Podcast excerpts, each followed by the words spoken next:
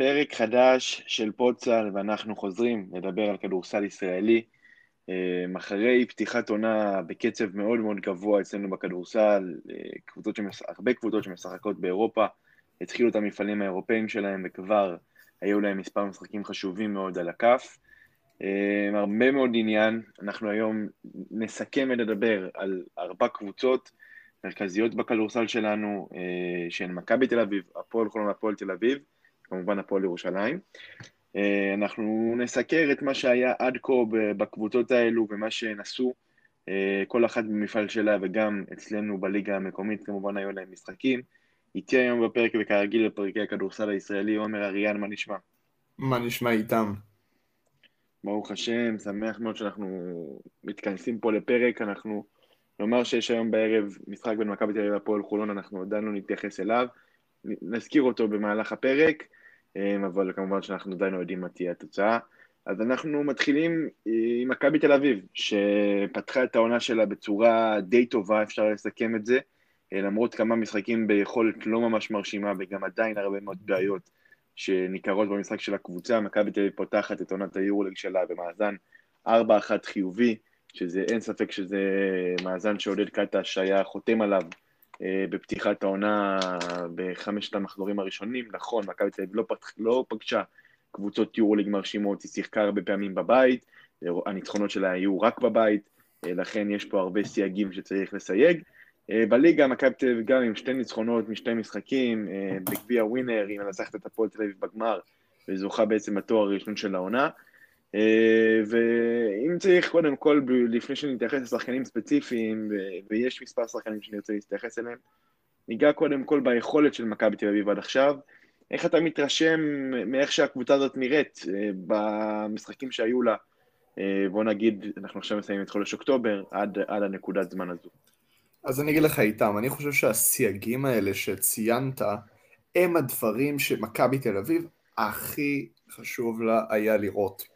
בעצם הייתה איזושהי אה, אה, תיאוריה בקיץ, או אנשים שקראו. לכדורסל של מכבי תל אביב מניה דיפרסיה. אה, לכדורסל של עודד קטש באופן כללי, כי אנחנו היינו רגילים לזה בהפועל ירושלים, בעצם זה איזושהי אמרה שאמרה שהשיטה של קטש כשעובדת כדורסל הכי יפה בעולם, יעיל, טוב, שוטף, כשזה לא עובד זה נוראי. ואני חושב שעצם העובדה שמכבי תל אביב הצליחה להיות באמצע, זה דבר שמאוד מאוד מאוד חשוב לה. מה זה אומר? היא הצליחה בעצם לא לשחק בצורה מבריקה, ואתה ציינת, יש בעיות, יש עדיין בעיות במשחק ההגנה, ובמשחק, ובהתקפת המעבר, שהיא עדיין לא שלמה למה שעודד קטש רוצה להגיע, אה, וברמת הגיוון ההתקפי, וה...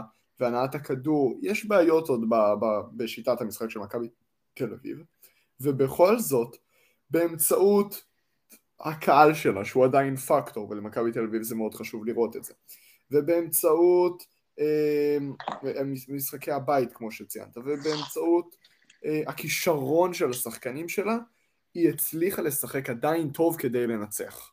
היא לא שיחקה מושלם, היא לא שיחקה בשום צורה משהו ש... אה, מזכיר קבוצת צמרת ביורוליג, אם היא שואפת לשם בכלל, אבל היא לא צריכה, היא לא צריכה כרגע. כרגע היא הצליחה לגרד את הניצחונות האלה, ועצם העובדה שהיא מצליחה לגרד ניצחונות כאלה, אני חושב שזה מאוד מאוד מעודד עבור מכבי תל אביב, אני חושב שהיא יכולה לסכם כ... כהצלחה מאוד מאוד גדולה את פתיחת העונה הזאת, ולאט לאט כמובן לטווח הארוך היא לא יכולה לבנות על זה. בטווח הארוך היא תהיה חייבת אה, לשפר את היכולת שלה, לתקן את הבעיות שלה, וזה מתחיל מחר מול חולון, אה, קבוצה מאוד מוכשרת, סליחה, היום, היום, מול חולון, אה, וזה ממשיך עם אה, אה, משחק חוץ ביורוליג מול בסקוניה בחמישי, אה, כלומר פעם אחת היא מתמודדת מול קבוצה מאוד כישרונית, פעם שנייה סוף סוף משחק חוץ, אז אלה המבחנים שלה ואיך היא תעבור אותם, את זה אנחנו נגלה ונראה. אז באמת, כמו שאתה אומר, אה, ואני לוקח את זה לכיוון הזה, מכבי תל אביב באמת עם פתיחת עונה טובה, היא הראתה דברים טובים, היא הראתה אלמנטים שהיא רצתה להראות ולראות שהם עובדים, יש כמובן דברים, כמו שאתה אומר, הגנתיים, ריבאונד, שעדיין לא נמצאים במקום מבחינת מכבי ויהיו צריכים להתחיל אה, להתחבר בהמשך העונה. אמ, אני חושב שנקודות מרכזיות וטובות שאפשר לראות במכבי זה ריבאונד התקפה, מכבי תל אביב היא קבוצת הריבאונד התקפה הכי טובה ביורוליג. אה, עד השלב הזה בדבר משמעותי, אבל צריך גם שוב לסייג, מכבי לא פגשה קבוצות יותר מדי מוכשרות במהלך המחזורים הראשונים של היורוליג. תרשה לי שנייה להעיר הערה איתם. כן. לא ספציפית על הנתון הזה שאתה הבאת, אבל באופן כללי על סוגי הנתונים האלה, שהרבה פעמים מנסים לייחס נקודות חוזק לאיזושהי, אמ, לאיזושהי קבוצה. תראה, זה שלקבוצה יש הרבה ריבאונד התקפה, לא בהכרח מעיד דבר טוב עליה. לא בהכרח מעיד דבר טוב עליה. למה? הרי בסופו של דבר מדובר בהחלטות טקטיות שהמאמן עושה. המאמן צריך להחליט מה הקבוצה שלו עושה כאשר נזרקת זריקה של, של הקבוצה. והוא יכול להנחות ולהגיד, כאשר נזרקת זריקה, טוסו להגנה. טוסו להגנה. אף אחד לא מסתכל על הסל, אף אחד לא מסתכל על הכדור, רצים להגנה. ואז, אין בכלל ריבאונד התקפה, אין בכלל, ואנחנו רואים נתונים מגוחכים ואומרים ביזיון, אין פה ריבאונד וזה, אבל בסופו של דבר זו החלטה טקטית של המאמן שהחליט שהוא לא מוכן לקבל התקפות מעבר, אוקיי? לעומת זאת, יכול מאמן לבוא ולהגיד, נזרקת זריקה, ארבעה שחקנים שלא זרקו, רצים באמוק לצבע, מרביצים לריבאונד התקפה. ואז אנחנו נראה קבוצות עם המון המון ריבאונד התקפה, אבל מה המחיר של הדבר הזה? עבור כל כדור שהם לא לקחו, הם מקבלים סל בצד השני. ולכן אנחנו צריכים, אני קורא לנתונים האלה נתונים דואליים. דואליים זה נתונים שמושפעים אחד מהשני. ולכן צריך לראות את מכבי תל אביב בריבאונד התקפה, ביחד עם כמה נקודות היריבות של מכבי תל אביב אה, קולות במתפרצת. ואני חושב שאם נשווה את הנתונים האלה, נראה שעדיין יש בעיות אה, אה, ברמת הביצוע של מכבי תל אביב. זה בהחלט מלמד אותנו על שיטת המשחק, ועצם העובדה שלקטש מאוד חשוב להתקיף את הריבאונד, זה חלק מהעניין של קצב גבוה וכולי. אה, אבל מכבי תל אביב תהיה חייבת לאזן בין זה לבין הצורך שלה לשמור במעבר. אז אני מסכים שבאמת הנתון הזה הוא בעיניי גם מעיד דברים טובים, בטח ברמת ההתקפה שמכבי מייצרת לה הרבה מאוד הזדמנויות uh, שניות, לפעמים גם הזדמנות שלישית ורביעית, יש לה המון שחקני ריבאונד טובים ברמה, ברמת ההתקפה, אבל כמו שאתה אומר, מכבי יש לה איזושהי... איזושה...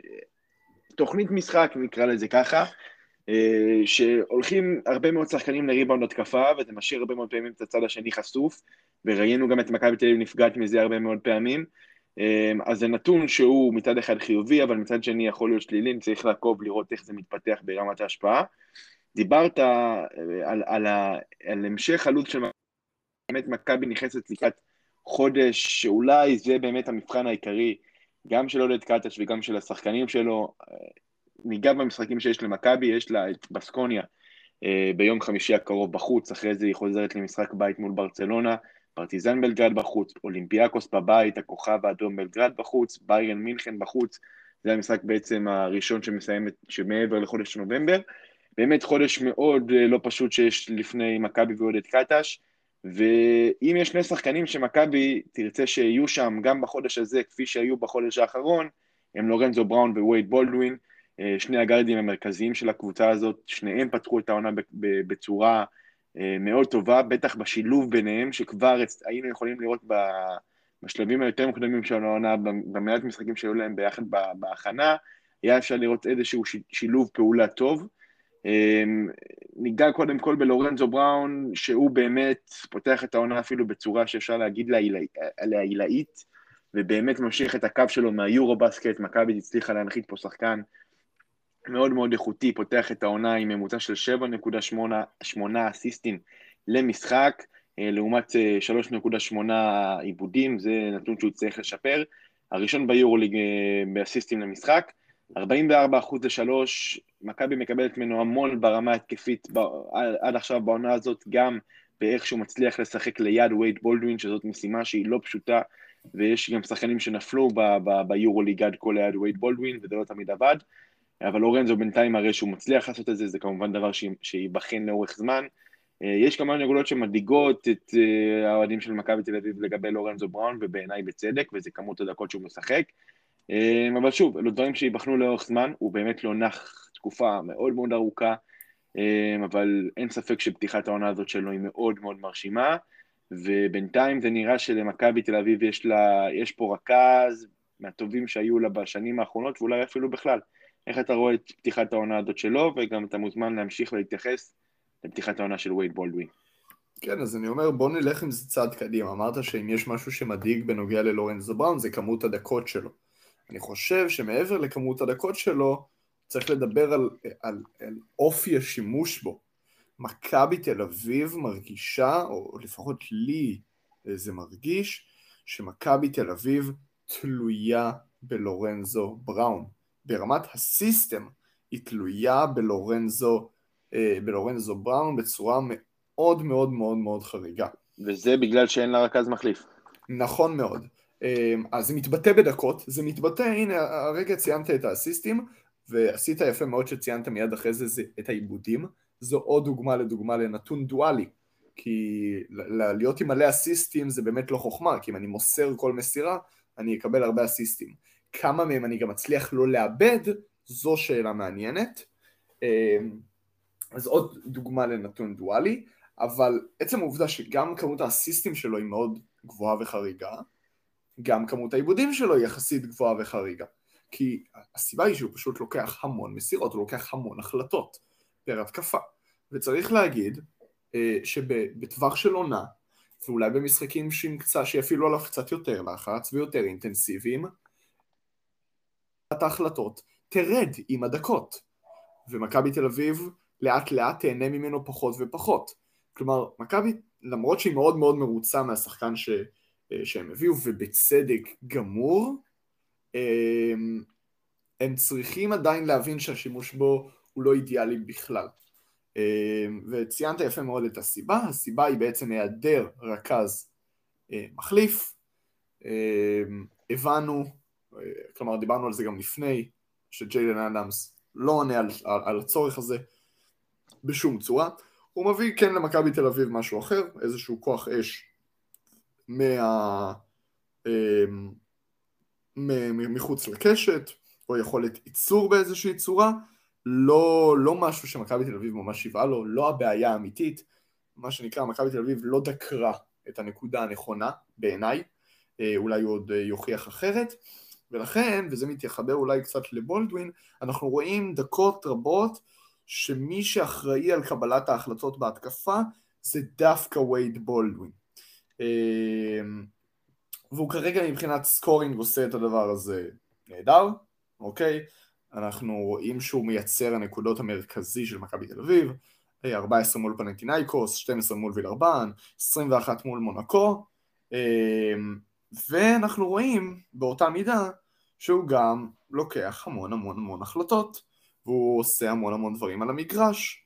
אה, לצורך העניין שמונה האסיסטים שלו בליווי אה, חמשת העיבודים מול וילרבן זה נתון שקצת אמור להדאיג את מכבי תל אביב בעיניי לא כי זה נתון ממש ממש גרוע זה לא נתון טוב אבל זה לא נתון ממש גרוע אלא בגלל שזה לא מה שבולדווין צריך לעשות בולדווין בא פה על תקן הסקורר, המייצר, אה, לצד רכז, מאוד מוביל כמו בראון, וכרגע הוא מתעסק הרבה בדברים אחרים. אה, אני חושב שמכבי תצטרך, יכולה להתעודד מה, מהצמד הזה ומהיכולת שלהם מצד אחד, ומסט היכולות שיש להם מצד אחד, מצד שני היא צריכה להבין שלמרות שזה כרגע עובד במבחן התוצאה, זה לא שימוש אידיאלי ביניהם. אופי השימוש עדיין לא מספיק נכון ומספיק מתאים, ומי שיצטרך לענות על זה זה רק בן אדם אחד, ושמו עודד קטש. אז אני אמשיך להתייחס לווייד בולדווין, ואני חושב שפתיחת העונה שלו היא בעיניי די טובה, כי ווייד בולדווין, אנחנו ראינו ממנו בעונה שעברה שחקן לגמרי אחר, שחקן שבבסקוניה לא לוקח הרבה, לוקח את כל ההחלטות, אה, וזה אולי היה סוג של חשש שהיה למכבי תל אביב ליד לורנזו בראון, שזה שחקן שמאוד דורש את הכדור, מאוד רוצה לה... להכריע, אה, והייתה שאלה, האם ליד רכז, כמו שאתה אומר, מאוד מאוד איכותי, כמו לורנזו בראון, וגם אחד שלוקח הרבה החלטות, אה, האם זה יכול לעבוד? ולפחות בפתיחת העונה, גם עם השילוב הזה, הוא לא נראה בינתיים הכי מרשים וכזה שגם יכול לסחוב את מכבי לאורך עונה, כי זה באמת שילוב שעד עכשיו הם שניהם הביאו משחקים ברמה מאוד מאוד איכותית, השאלה מה יקרה בימים פחות טובים של אחד מהם, וכנראה שיהיו כאלה לאורך עונה כל כך ארוכה. אני חושב שווייד בולדווין עד עכשיו מוכיח למכבי תל אביב שהוא רוצה לקבל את ההחלטות, והוא גם יודע לתת לאחרים לקבל אותן. הוא עדיין, כמו שאתה אומר, הוא לוקח המון החלטות, כי הוא שחקן מאוד מאוד דומיננטי בתוך שיטת משחק, וגם מכורח הדקות של לורנזו בראון, יכול להיות שגם יש מצבים מסוימים שהוא אומר, אוקיי, ניתן לו להחליט, ואני רגע אזוז הצידה. אני חושב שמכבי ברמת השילוב ביניהם כרגע זה נראה טוב. כמו שאתה אומר, יש פה נקודה מרכזית של השאלה מי בעצם יכול להחליף אחד מהם כשהם יורדים מהמגרש. כרגע מכבי עדיין לא מצאה את האיש הזה. ג'לן אדמס לא נראה כרגע מי שיכול לעשות את זה. אמ, אולי דרן היליארד שהוא יחזור, אבל כרגע למכבי יש בעיה בעובדה שהיא חייבת את אחד מהם על המגרש, וברגע שצריך לנצח משחק גם את שניהם. אז מכבי לאורך עונה תצטרך להבין איך היא פותרת את זה, וכמו שאתה אומר, לאיש שיש את התשובות, והוא צריך לספק את התשובות, לא יודע אם יש לו, הוא צריך לספק אותם, זה עודד קטש, את זה נבחן בהמשך העונה. רק נקודה על הדבר הזה, אני מניח שזה גם יחבר אותנו באיזושהי צורה גם לנקודה הבאה. אמ, אנחנו תמיד מדברים בכדורסל על צירי התקפה. מה זה אומר? זה אומר מאיפה הנקודות מגיעות.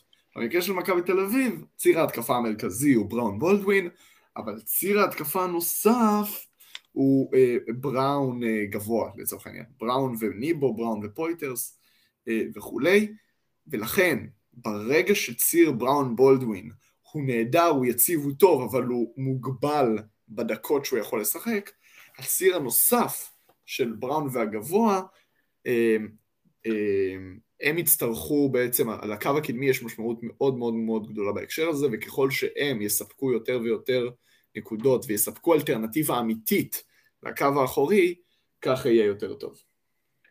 אז כן, כמו שאתה אומר, באמת, נתחבר לנקודה הבאה, וזה הקו הקדמי של מכבי תל אביב, מכבי הקיץ, מחתימה שתי סנטרים ששיחקו בעונה הקודמת ביורוליג, אחד שיחק רק עונה אחת וזה ג'וש ניבו, לפה יש יותר ניסיון ממנו. אמ, ובאמת, אמ, אין ספק ששניהם הם סנטרים איכותיים, שניהם אה, ספקי נקודות ברמה גבוהה כשמפעילים את הכדורים הנכונים, שניהם מאוד דומים בעובדה שהם צריכים את הכדור קרוב מאוד לטבעת, שם הם באחוזים מאוד מאוד גבוהים יסיימו טוב ויביאו את הנקודות שלהם. אמ, עד עכשיו הם שניהם משתלבים טוב, אבל יש איזושהי בעיה, וזה ההרכב שעודד קטש משחק איתם, שבעיניי, והזכרתי את זה הרבה פעמים, לא נכון. אה, כשאלכס פויטרס פותח לכאורה כארבע, ג'וש ניבו כחמש, ובעיניי ההרכב הזה הוא לא נוח, לא נוח לשניהם, לפעמים לאחד מהם, אבל לרוב לשניהם. זה יוצר למכבי בעיית ריבאונד, שזה מפתיע, שני סנטרים על המגרש, לא אמורה... אבל איכשהו זה כן מייצר, זה אחד, אחד הדברים שכן מייצרים בעיית ריבאונד. ריווח בהתקפה, זה מאוד פוגע למכבי בריווח שיש לה בהתקפה, בטח כשדארן הילארד בחוץ ואין לה את השלוש הזה שיכול לקלוע מבחוץ, הולינס לא נותן את זה עדיין, קולסון לא נותן את זה עדיין באחוזים טובים, וזה פוגע במכבי תל אביב. אנחנו גם רואים ברמה, ברמת העובדות, שעד כה מכבי תל אביב פותחת את המשחקים שלה, מכבי פותחת בפיגור, מכבי לא פותחת בקצב גבוה, וזה קורה כשהרכב הזה על המגרש, וכשפתאום נכנסים מרטין, ופתאום נכנסים סורקין, נכון שמרטין לא פתח את העונה בצורה יותר מדי מרשימה, אבל ברגע שהוא על המגרש הריווח הוא יותר טוב, הוא ריבאונדר לא רע בכלל, סורקין, אנחנו רואים פתיחת עונה מצוינת שלו, הוא גם ריבאונדר מצוין, אגב, 3.3 אופנס ריבאונד עד כה בעונה הזאת ביורוליג, ובאמת, בעיניי ההרכב הזה הוא לא נכון, הוא לא... צריכה לשחק, היא צריכה את ג'רל מרטין, וג'רל מרטין יכול להביא לדברים יפים ליד אחד הסנטר. אחד מהם, זאת לא בושה, יכול לבוא מהספסל ככוח אש. אה, איך אתה רואה את ההרכב הגבוה הזה של מכבי תל אביב בפתיחת העונה, והאם אתה חושב שזה נכון? כן, אז עוד את קאטש מנסה ליצור פה איזה משהו, אנחנו אמרנו אה, גם לפני, אה, לפני העונה, שקאטש לא הביא את הגבוהים הקלאסיים שלו, הוא הביא גבוהים עם אלמנטים מסוימים שכן יכולים להשתלב בשיטה, ואחרים שפחות. אה, ואפשר להודות בזה במלא, בעצם אצל קטש בזמנו, גם, גם בגליל וגם בהפועל ירושלים, ראינו, ראינו מה הוא רוצה ומה הוא יודע לעשות, אה, ראינו את הדברים האלה, וראינו תמיד גבוה אחד בתוך הצבע שעושה את ה pick and roll, כלומר גבוה שעושה את ה pick and roll, ועוד גבוה אחד שעושה איזושהי פעולה משנית, ואז בעצם יוצרים משחק בין גבוהים, שאנחנו יודעים שזה משהו מאוד מאוד מאוד קשה הרבה פעמים לקבוצות יריבות לעצור. אז אני חושב שבאיזשהו מקום עוד קדוש מנסה ליצור את זה גם פה. האם זה מצליח לו? התשובה היא עד כה לא. וזה נוגע בעיקר לעובדה שלאף אחד משני הסנטרים האלה אין כליאה מספיק יציבה, אה, ואז זה בעצם שני שחקנים שמבצעים את הפעולות שלהם פנימה. בזמנו בהפועל ירושלים לדוגמה ראינו את הגיוון. אה, ראינו שבריימו פתאום יכול לעשות pick and pop, כלומר לפתוח אחורה, שתומאס יכול לעשות short roll ולא להתגלגל עד הסוף. הגיוון הזה הוא זה שיצר אצל הקבוצות היריבות בעיה הגנתית מאוד מאוד גדולה. למכבי תל אביב כיום אין את הדבר הזה, הם מאוד מאוד מוגבלים התקפית, וזה, וזה מראה את הבעיות שלהם. אה, אחד מהדברים שמקשים על מכבי תל אביב להיכנס למשחקים מספיק טוב, זה עניין השטף ההתקפי. והבעיית ריווח הזאת היא בעיה שהיא פתירה לאורך משחק.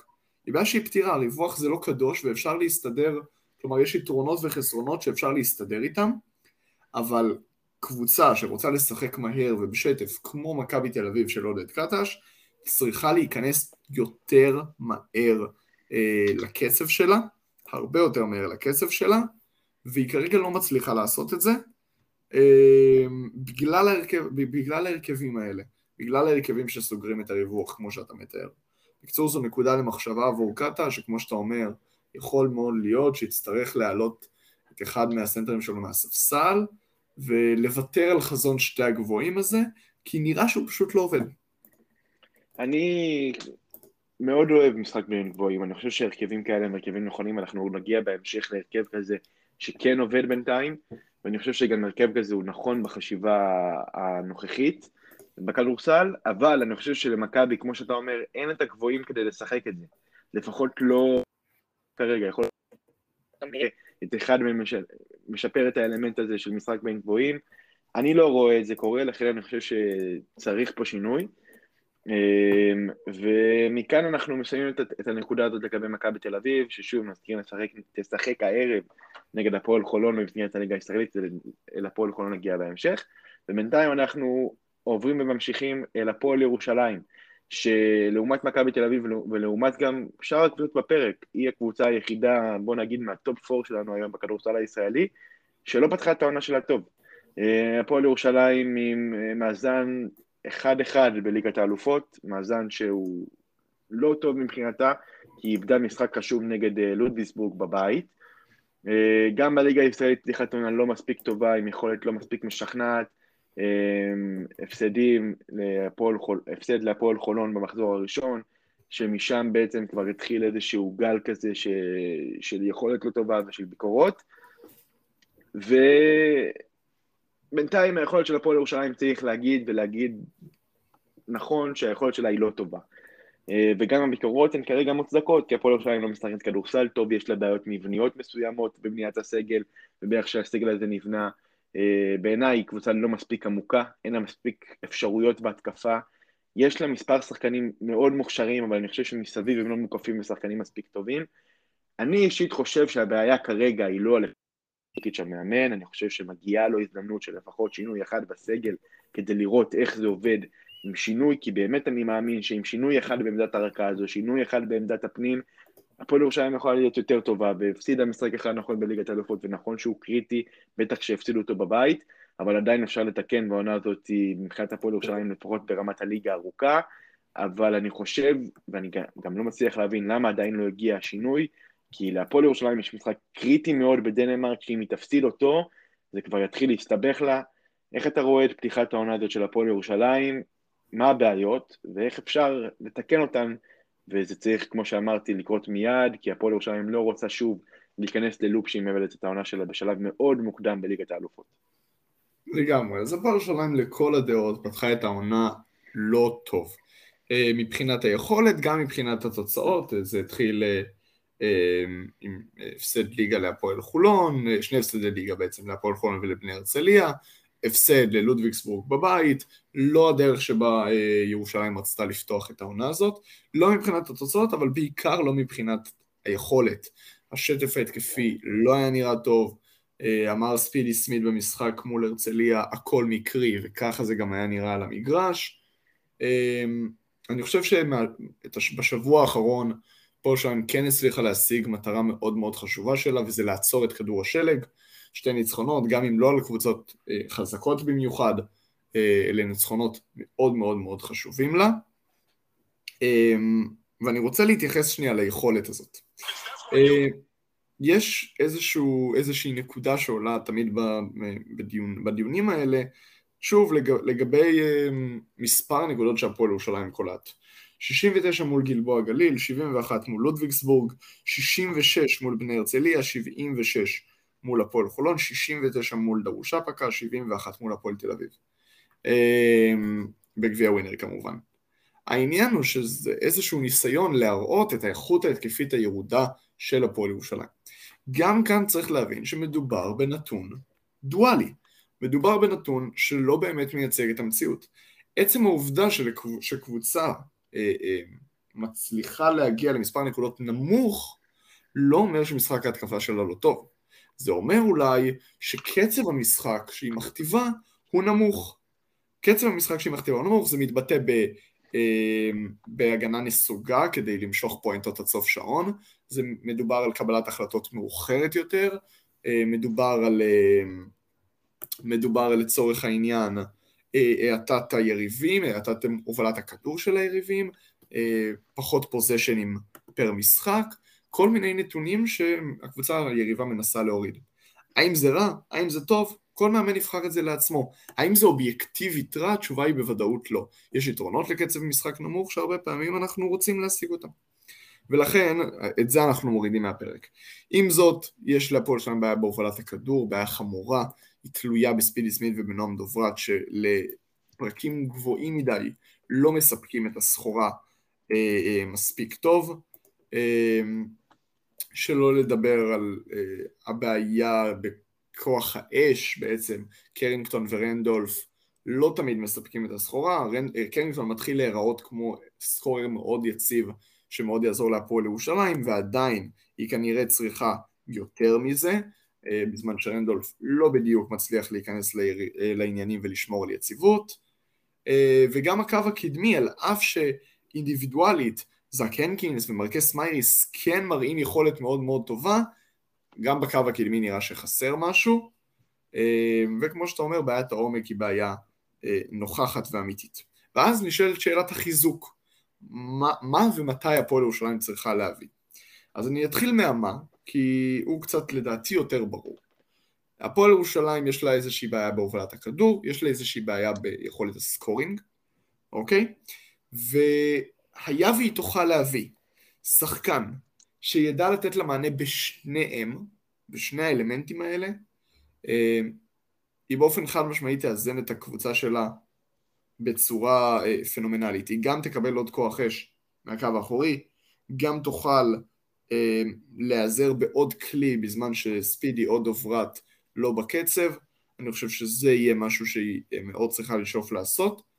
ובקו הקדמי נראה שיש צורך, היה נראה שיש צורך בעוד אה, ארבע אתלטי בתוך הצבע שיביא יותר אתלטיות, שיביא יותר אה, הגנה, אה, שיביא יותר איזשהו כוח אש גם בקו הקדמי באיזשה, באיזשהו מקום. ואם היית שואל אותי לפני שבוע, הייתי אומר לך שצריך להיות במקום מרקס מייריס. בינתיים מייריס ביכולת נהדרת, והנה כבר שני משחקי ליגה לא נרשם, ולכן אני לא בטוח שאני יודע, ואני לא בטוח שאלכסנדר ג'יקיץ' יודע וסגור על את מי מהם הוא יהיה מעוניין להחליף אם וכאשר, אמ, אבל ברור ששינוי כזה הוא צריך, אה, הוא דרוש באיזושהי צורה לקבוצה הזאת, ובנוגע למתי, זו שאלה כבר יותר מעניינת, שעל אף שהיא עת ברורה, כי התשובה היא עכשיו, אין ספק, היא לא. היא לא בעיניי. יש יתרון וחיסרון להביא חיזוק עכשיו ולאחר כך, וצריך להבין שזו שאלה נוכחת ודילמה אמיתית. אתה מביא חיזוק עכשיו, אתה א', מצמצם את השוק שלך לרק מה שפתוח עכשיו, כלומר אם אין מישהו שהוא בול למה שאתה מחפש, אמ, אתה באיזושהי צורה מתפשר על התאמה, אמ, אתה בעצם סוגר את האופציות להמשך העונה. אתה עכשיו מביא שני חיזוקים, אתה מבזבז את תקציב הספייר שלך, ואתה מגיע עוד חודש בעונה למרקם קבוצתי שהשתנה לגמרי, או לשחקן שנפצע, ואתה מגלה שהבעיות שלך היו בכלל אחרות. שזה לא הייתה בעיה אמיתית, לא הייתה בעיה מבנית כמו שאנחנו קוראים לה, זו הייתה בעיה של חיבור, והנה החיבור הזה קרה ועכשיו הכל בסדר, ואיזה באס ואיזה טעות עשינו שהבאנו, שהבאנו שחקן מוקדם מדי. כלומר, זו לא שאלה כל כך פשוטה, זו שאלה שצריך לחשוב עליה וצריך לחשוב עליה טוב. אמ, מה הפועל ירושלים תבחר לעשות? אני חושב שהיא כן תנסה למשוך את החבל הזה עוד קצת, באיזשהו שלב החבל ייקרא אולי, והיא תצטרך להגיב מהר יותר ממה שהיא מצפה עכשיו, אה, בעיניי כרגע זה עדיין לא הגיע. תראה, אני מסכים מאוד עם כל הניתוח, עם כל הניתוח שלך, אני חושב שהצגת את הדברים בצורה מאוד מאוד טובה כרגיל. אני חושב שהפועל ירושלים ברמה ההתקפית, אני חושב שהגנתית היא עד עכשיו יחסית בסדר, אבל התקפית, אני חושב שהפואנטות שהפועל ירושלים מגיעה מגיע אליהן, וכשהיא מגיעה, אם בכלל, הן מגיעות בשלב מאוד מאוד מאוחר של ההתקפה, וזה דבר שפוגע בהפועל ירושלים. אה, זה דבר שעובד לטובתו של זאק הנקינס, שלפעמים הכדור מגיע קרוב לטבעת, ושם הוא יודע לסיים ברמה מאוד גבוהה. אה, אני חושב שלנוכח השיטה המאוד בעייתית של ה-BCL, שבעקבותיה אתה מפסיד משחק, אתה יכול למצוא את עצמך בבית, אני חושב שהפועל ירושלים צריכה להגיב עכשיו וצריכה להגיב מהר. אני מסכים איתך שיכול להיות שהיא תתחרט על זה בעוד חודשיים, אבל אני חושב שהיא יכולה עוד יותר להתחרט אם לא תביא מישהו ותהמר על מישהו כדי לנסות להציל פה, לא להציל, פה ירושלים עדיין במצב של להציל, אבל לנסות ולשדרג, אה, בטח שיש לה משחקים מאוד חשובים ב-BCL בקרוב. אה, אני חושב שאם צריך להגיד מי צריך ללכת ומי צריך לבוא, להגיד מי צריך לבוא, אני חושב שהפרופילים שהזכרת הם נכונים, איזשהו רכז שיכול להביא גם סקוררים ויכול גם להביא ניהול משחק, שזה כמובן דבר מאוד הכרחי לרכז, את זה ספידי סמית לא מביא עד עכשיו, יש לו תנודות מאוד מאוד גדולות ביכולת, לפעמים הוא נראה כמו, אוקיי, זה השחקן שהגיע להפועל ירושלים, זה השחקן שהיא רצתה להביא, ולפעמים הוא נראה רחוק מאוד ממה ש... שהפועל ירושלים צריכה לפחות לרמה שלה.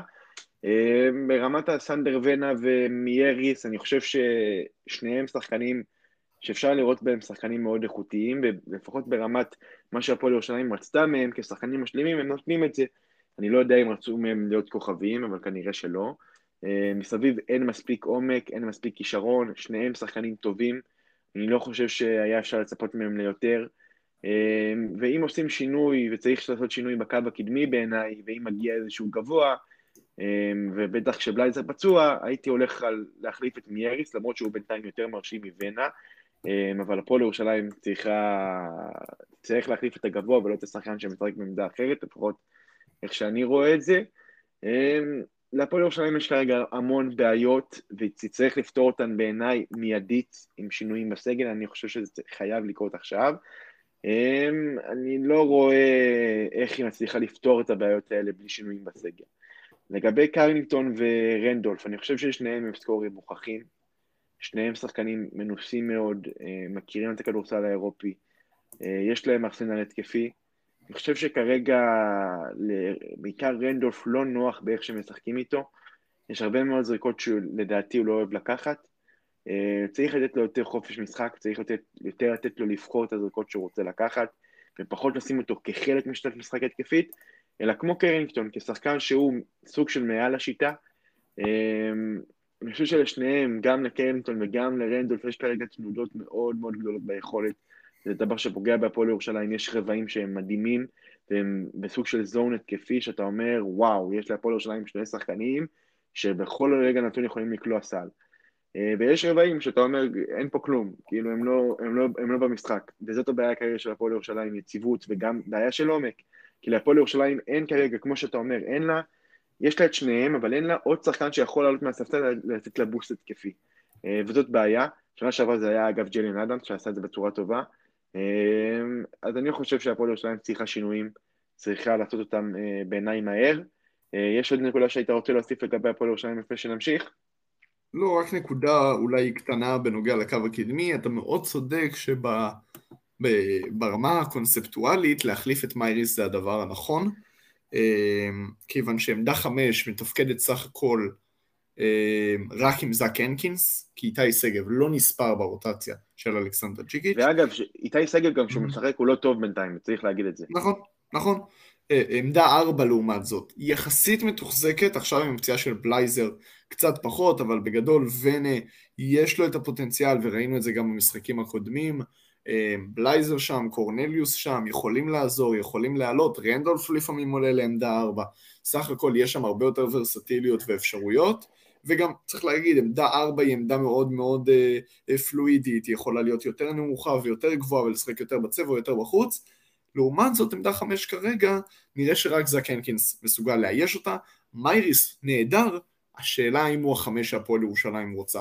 כלומר, צריכה לשאול את עצמה אה, את השאלה, האם היא בסדר עם זה שבדקות שזאק הנקינס ינוח, מייריס הוא החמש של הפועל ירושלים במשחקים באירופה. אני חושב שהפועל ירושלים תענה על השאלה הזאת לא, וברגע שהיא עונה על השאלה הזאת לא, אז די ברור מי צריך להיות מוחלף שם. כן, אני מסכים איתך עם הכיוון הזה, ואני חושב שעם זה אנחנו נחתום את הדיון לגבי הפועל ירושלים, שבאמת יהיה מעניין לראות איך היא, היא, איך היא תגיב ואם היא תגיב אה, לבעיות שיש לה כרגע בקבוצה. אה, יש לה משחק מאוד חשוב, כמו שאמרנו, נגד אה, בקנברס בדנמרק השבוע. אה, משחק שמאוד חשובה לתוצאה בו, צריכה בו ניצחון. אה, נאחל לה כמובן המון המון המון בהצלחה. אה, ואנחנו עכשיו עוברים לקבוצה שפתחה בצורה אחרת לגמרי את העונה שלה. זאת הפועל חולון, אלופת המדינה, עם 0-3-0 חיובי בפתיחת העונה ב-BCL, שלושה ניצחונות, אפס הפסדים. בפעם הראשונה בהיסטוריה של הקבוצה, דבר מאוד מאוד מרשים, גם היכולת שלה היא מצוינת, מנצחת קבוצות טובות.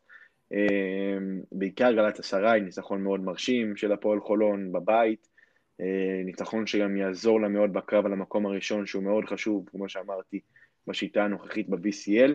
אמ, והיכולת של הפועל חולון עד כה היא מאוד מאוד מרשימה. אני זוכר שעשינו בפרק הקודם לדעתי, דיברנו על הפועל חולון, ואתה אמרת שהפועל חולון יכולה להיות יותר טובה מהעונה שעברה. אני לא חשבתי שזה יכול להיות ככה, אבל בראייה של עכשיו, של אחרי חודש של משחקים, ונכון שעוד מוקדם לקבוע, אבל אני חושב שאתה צודק, והפועל חולון יכולה להיות יותר טובה מהעונה הקודמת, כי יש לה סגל מאוד מאוד טוב, אני חושב שההחתמה של לארי גרין היא מדהימה, אה, זה לא משנה הנסיבות של סי.ג'י אריס, נאחל לו המון המון, נאחל לו בריאות ושיחזור בהקדם, אבל בלי קשר לזה, ארי גרין הוא שחקן כדורסל מדהים, שחקן ברמה מאוד גבוהה, אני הייתי סקפטי לגבי ההחתמה הזאת. ארי גרין כשם, ברור, אחלה שם, שחקן מעולה, היה לו שיא מאוד מדהים, מאוד טוב ביורוליג, אבל uh, לא היה ברור איך הוא מגיע ובאיזה כושר הוא מגיע להפועל חולון, בינתיים זה נראה מעולה גם ברמת החיבור עם ג'ו רגלנד, uh, שפותח את העונה בצורה יוצאת דופן, תכף נגיע לזה. Uh, הפועל חולון באמת נראה טוב, הרוטציה שלה נראית טובה, יש לה בעיה בישראלים שסימנו אותה לפני פתיחת העונה, אבל היא בינתיים מראה שהיא יכולה לפתור את זה, בעיקר עם דקות מאוד מאוד טובות של בורדיון. וגם של היידן דלטון, שנותן לה דקות מאוד טובות עד עכשיו. אמ, איך אתה רואה את היכולת של הפועל חולון עד כה העונה, והיא באמת מרשימה. כן, סך הכל חולון, אה, אה, גם ברמת התוצאות וגם ברמת ה... אמ, התפקוד והיכולת שלה יכולה להיות מאוד מרוצה. אה, דיברו הרבה על זה, על הניצחון מול גלת אסריי, צריך להבין, היה פה, אמ, היה פה משהו, לנצח קבוצה כמו גלת אסריי, שמסומנת על ידי חלק מה, מהפרשנים, ובצדק, כקונטנדרית, אם נקרא לזה ככה, לקחת את המפעל עם סגל מאוד מאוד עמוק ואיכותי, אה, עם המון המון כישרון, לנצח אותה זה לא דבר של מה בכך. אה, והפועל חולון עשתה את זה. אחד מהדברים היפים שאמרו בהפועל חולון אחרי המשחק מול גאלה, זה לאף אחד, לאף אחד לא אכפת מי יקלע. כלומר, זו הייתה הרגשה אה, ההתקפית, ו... וזה באמת ככה, ברמה ההתקפית נראה שהפועל חולון מאוד מאוד משתפת, משתפת את הכדור, מניעה אותו, התקפה מאוד מאוד יפה, רצה, לא נתקעת, וזה הכוח שלה, וזה הכוח שלה כרגע בעיניי. היום, צריך להגיד, מבחן מאוד מאוד מאוד מאוד מאוד חשוב מול מכבי תל אביב, גם משחק חוץ, גם משחק מול רמת כישרון מאוד מאוד מאוד מאוד גבוהה. הנקודה כמובן הכי משמעותית מבחינת חולון זה השילוב בין גרין לרגלנד, הם מצליחים לבוא ביחד אחד עם השני ולא, ולא לעלות אחד על השני, וזה מאוד מאוד מאוד מאוד מאוד חשוב. המפתח של חולון הלאה, כן, כי הכישרון בהתקפה כולנו, כולנו יודעים עד כמה הוא קיים אצל חולון. כולנו יודעים עד כמה אה, אקספלוסיבית הקבוצה הזאת יכולה להיות ברמה ההתקפית. אה, כמובן שהמפתח שלה זה להצליח לשמור על רמת הגנה טובה לאורך זמן, ולהצליח אה, למזער נזקים בריבאונד ולהתקיף אותו כמה שיותר כדי.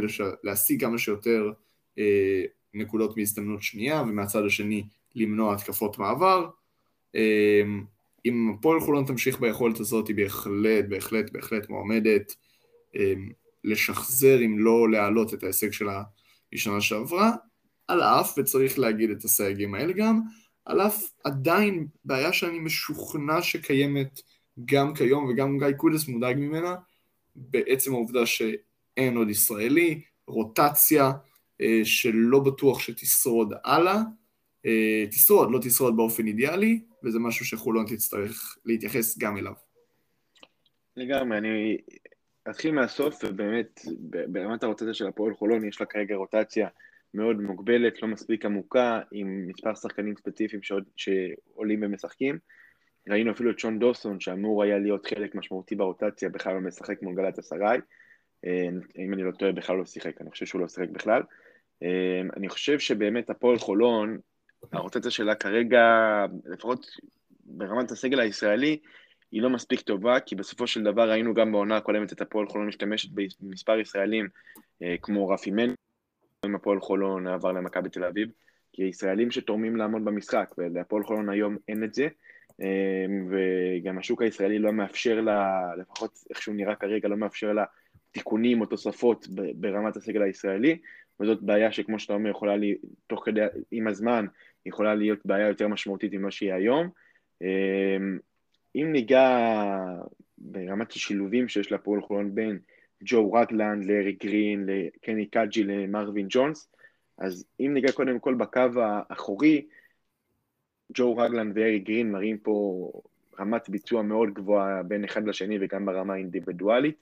אמ, בתחילת העונה אמרתי שאני לא יודע איך השילוב בין ג'ו רגלנד וסי.ג'יי האריס, ששניהם שחקנים שמאוד צריכים את הכדור, הם יחסית דומים באיך שהם משחק, משחקים, לא הייתי בטוח איך זה אמור לעבוד. ואמרתי, אני חושב שהפועל חולון צריכה, הייתה צריכה להביא אולי סקורר ליד אה, ג'ו רגלנד, ולאו דווקא שחקן שהוא סוג של מנהל משחק ליד, אה, לידו. אז קרתה סיטואציה וקרתה פציעה, ששוב, מבאס שהיא קרתה, אבל פתאום קרתה סיטואציה שהרבה יותר טובה להפועל חולון, ב- לפחות כרגע, ולפחות עד האריס יחזור. פתאום יש להפועל חולון את ג'ו רגלנד, שהוא מנהל משחק מדהים, פתח את העונה בצורה מאוד מאוד טובה, יש לו את ארי גרין, שהוא scorer על, אה, מביא רמת קליעה מדהימה, רמת scoring ברמה מאוד גבוהה, הוא גם לא, עד עכשיו הוא גם לא איזשהו scorer שאומר, רק אני זורק, אני לא מוסר לאף אחד, זה לא קורה כרגע וזה טוב מבחינת הפועל חולון. אם עוברים לקו הקדמי, יש לה שם את קני קאג'י ויש לה שם את מרווין ג'ונס, מרווין ג'ונס הוא חד משמעית הרבה יותר מרשים, החתמה מדהימה של הפועל חולון כמחליף של אה, מייקל קייזר, וזה אולי מה שהפועל חולון רצתה, שמייקל קייזר יהיה, ומרווין ג'ונס נותן לה ריווח בהתקפה, הוא קולע מהשלוש, הוא נותן לה איכות מאוד טובה ב pick and roll. קני קאג'י עד עכשיו עוזר לה בריבאונד, אבל עד עכשיו הוא גם לא מספיק לא מספיק טוב. מה שהוא נותן בינתיים להפועל חולון זה את ההרכבים הטובים שהיא רצתה לשחק עם שני גבוהים, ואת זה הם יכולים לשחק ביחד גם קאג'י וגם ג'ונס, וזה משמעותי להפועל חולון, וזה נותן לה הרבה מאוד דברים טובים במשחק. איך אתה רואה את השילובים האלו בקו האחורי ובקו הקדמי של הפועל חולון? כן, אז בקו האחורי אני חושב שניתחת את הסיטואציה בצורה נהדרת, בדיוק הדבר הזה, דיברנו לפני העונה על הבעיה בחפיפה המסוימת הזאת בסט היכולות בקו האחורי, בעיה שנפתרה, כמובן בנסיבות מצערות, אבל היא נפתרה והפועל חולון מזה יכולה להיות מאוד מרוצה. גיא גולס אמר לפני, אחרי אחד המשחקים בשבוע שעבר שהוא מרגיש שהסיטואציה מאוד דומה עם גרין, מאוד דומה למה שהיה עם מגי, וזה בדיוק זה. זה בדיוק זה, רכז מצד אחד, מנהל משחק, וסקורר, שזה כל מה שהוא עושה אה, למחייתו. אז הסיטואציה מאוד מאוד דומה והיא עובדת עד עכשיו נהדר. אה, כרגע חולון מסתמכת מאוד על הציר ההתקפי הזה, על הציר ההתקפי בקו האחורי. היא יכולה להרשות לעצמה קצת פחות להסתמך על הציר אה, אה, בקו הקדמי, אבל כן, אתה מדייק, אני חושב שהקו הקדמי כרגע מתפקד בסך הכל אה, אה, אה, בצורה טובה, לא מושלמת בכלל, עם המון בעיות של תיאום באיזשהו מקום. אנחנו רואים הרבה פעמים שחקנים שלא אמורים להיות במקומות שהם נמצאים, הרבה פעמים שחקנים שהורסים תרגילים בגלל טיימינג לא טוב ו location לא טוב. אה, אני לא חושב שזה איזושהי בעיה מבנית, אבל אני חושב שהמענה הטקטי כרגע שנותן גיא גודס לסיטואציה לא מספיק טוב, ואת זה, אה, ועל זה חולון תצטרך לשים אה, דגש מאוד גדול הלאה. אז אני מסכים איתך, ואני חושב שבאמת לגבי הפועל חולון סיקרנו ואמרנו אה, הרבה לגבי פתיחת העונה שלה, שבאמת נראית טוב מאוד.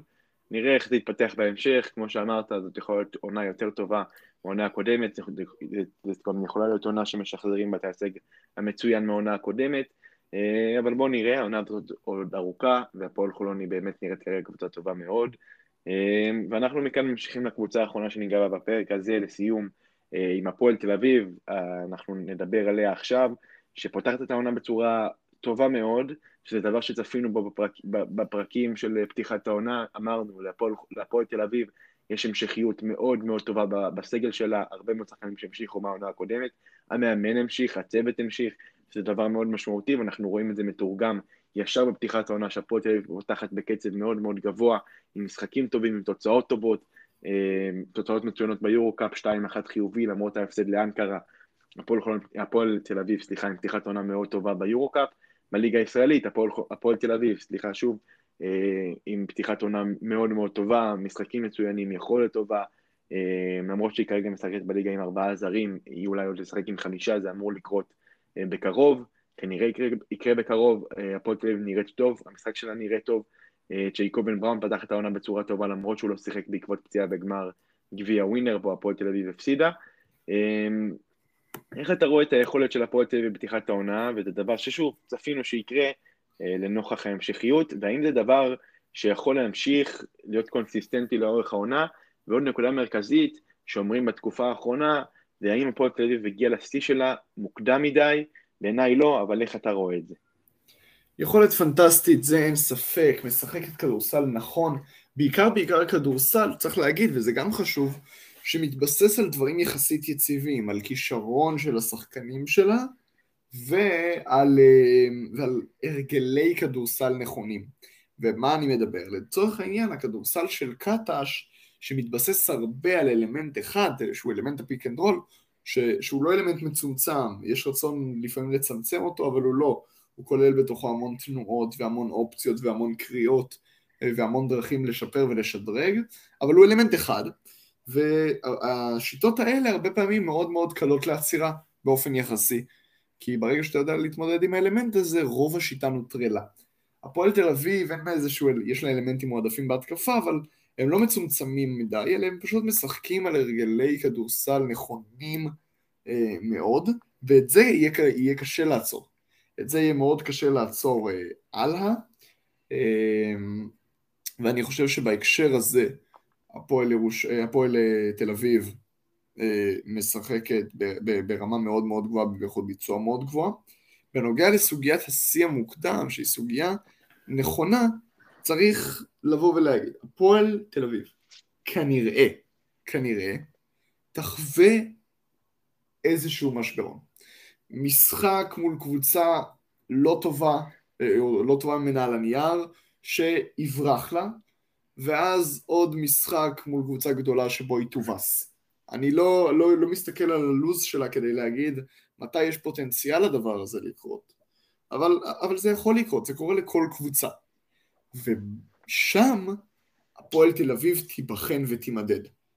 כי שם, אחרי השיא וההייפ וה, וההילה הזאת שנוצרה סביב הקבוצה הזאת, פתאום הפועל תל אביב תצטרך להתמודד אה, מש, במשהו שהוא לא בדיוק מכירה, ובאיזשהו משבר, ובפרצופים, ובאנשים שלא מרוצים, ובעצבים, אה, ובאוהדים שלא ממש, אה, לא ממש מרוצים ממה שהם רואים, וזה יהיה מבחן עבור הפועל תל אביב.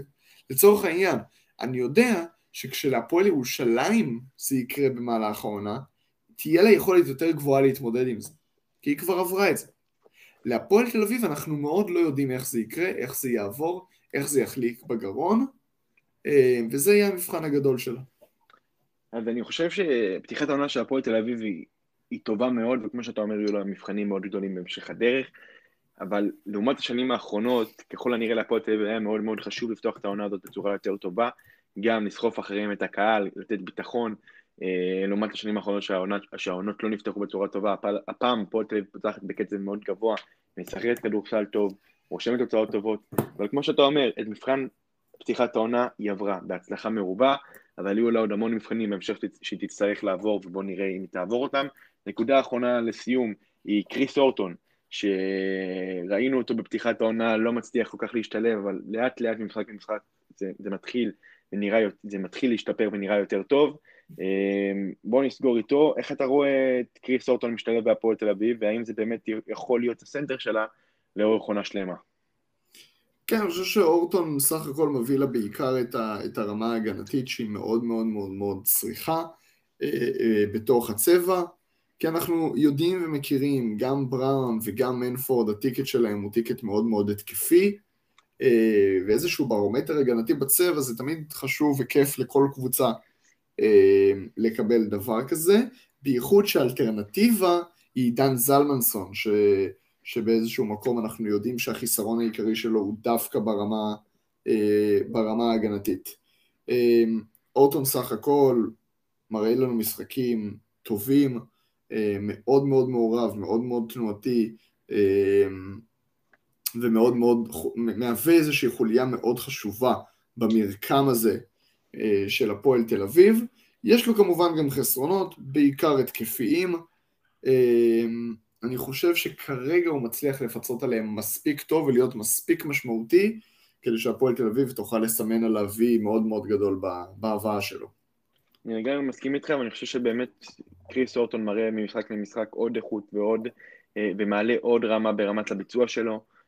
הפועל תל אביב הביאה סנטר מוכשר, הביאה סנטר שכמו שאתה אומר, יש לו את הבעיות ההתקפיות שלו, אבל עם הזמן רמת הביצוע שלו יכולה רק לעלות ולעלות, ולהפועל תל אביב יש באמת איזשהו סנטר אה, טוב מאוד בתוך הצבע, אה, שנותן לה הגנה טובה, שנותן לה בינתיים גם התקפה יחסית בסדר, ובתוך כל מארג הקבוצה, בתוך כל מה שיש להפועל תל אביב כרגע, הוא משתלב ברמה די טובה ודי מאוזנת, ובינתיים נראה כמו הסנטר הנכון והטוב בשביל הפועל תל אביב. אבל שוב, כמו כל הפועל תל אביב, זה ייבחן לאורך המשך העונה הארוכה שיש לה, העונה היא גם משחקת באירופה. ועם זה נחתום את הפרק שלנו, שדיברנו בו רבות על מה שהקבוצות הישראליות שלנו, הקבוצות המרכזיות בכדורסל הישראלי שלנו עשו בפתיחת העונה. אה, תודה רבה לך, עומר, על הפרק הזה, וניפגש בפרק הבא. תודה רבה, איתם.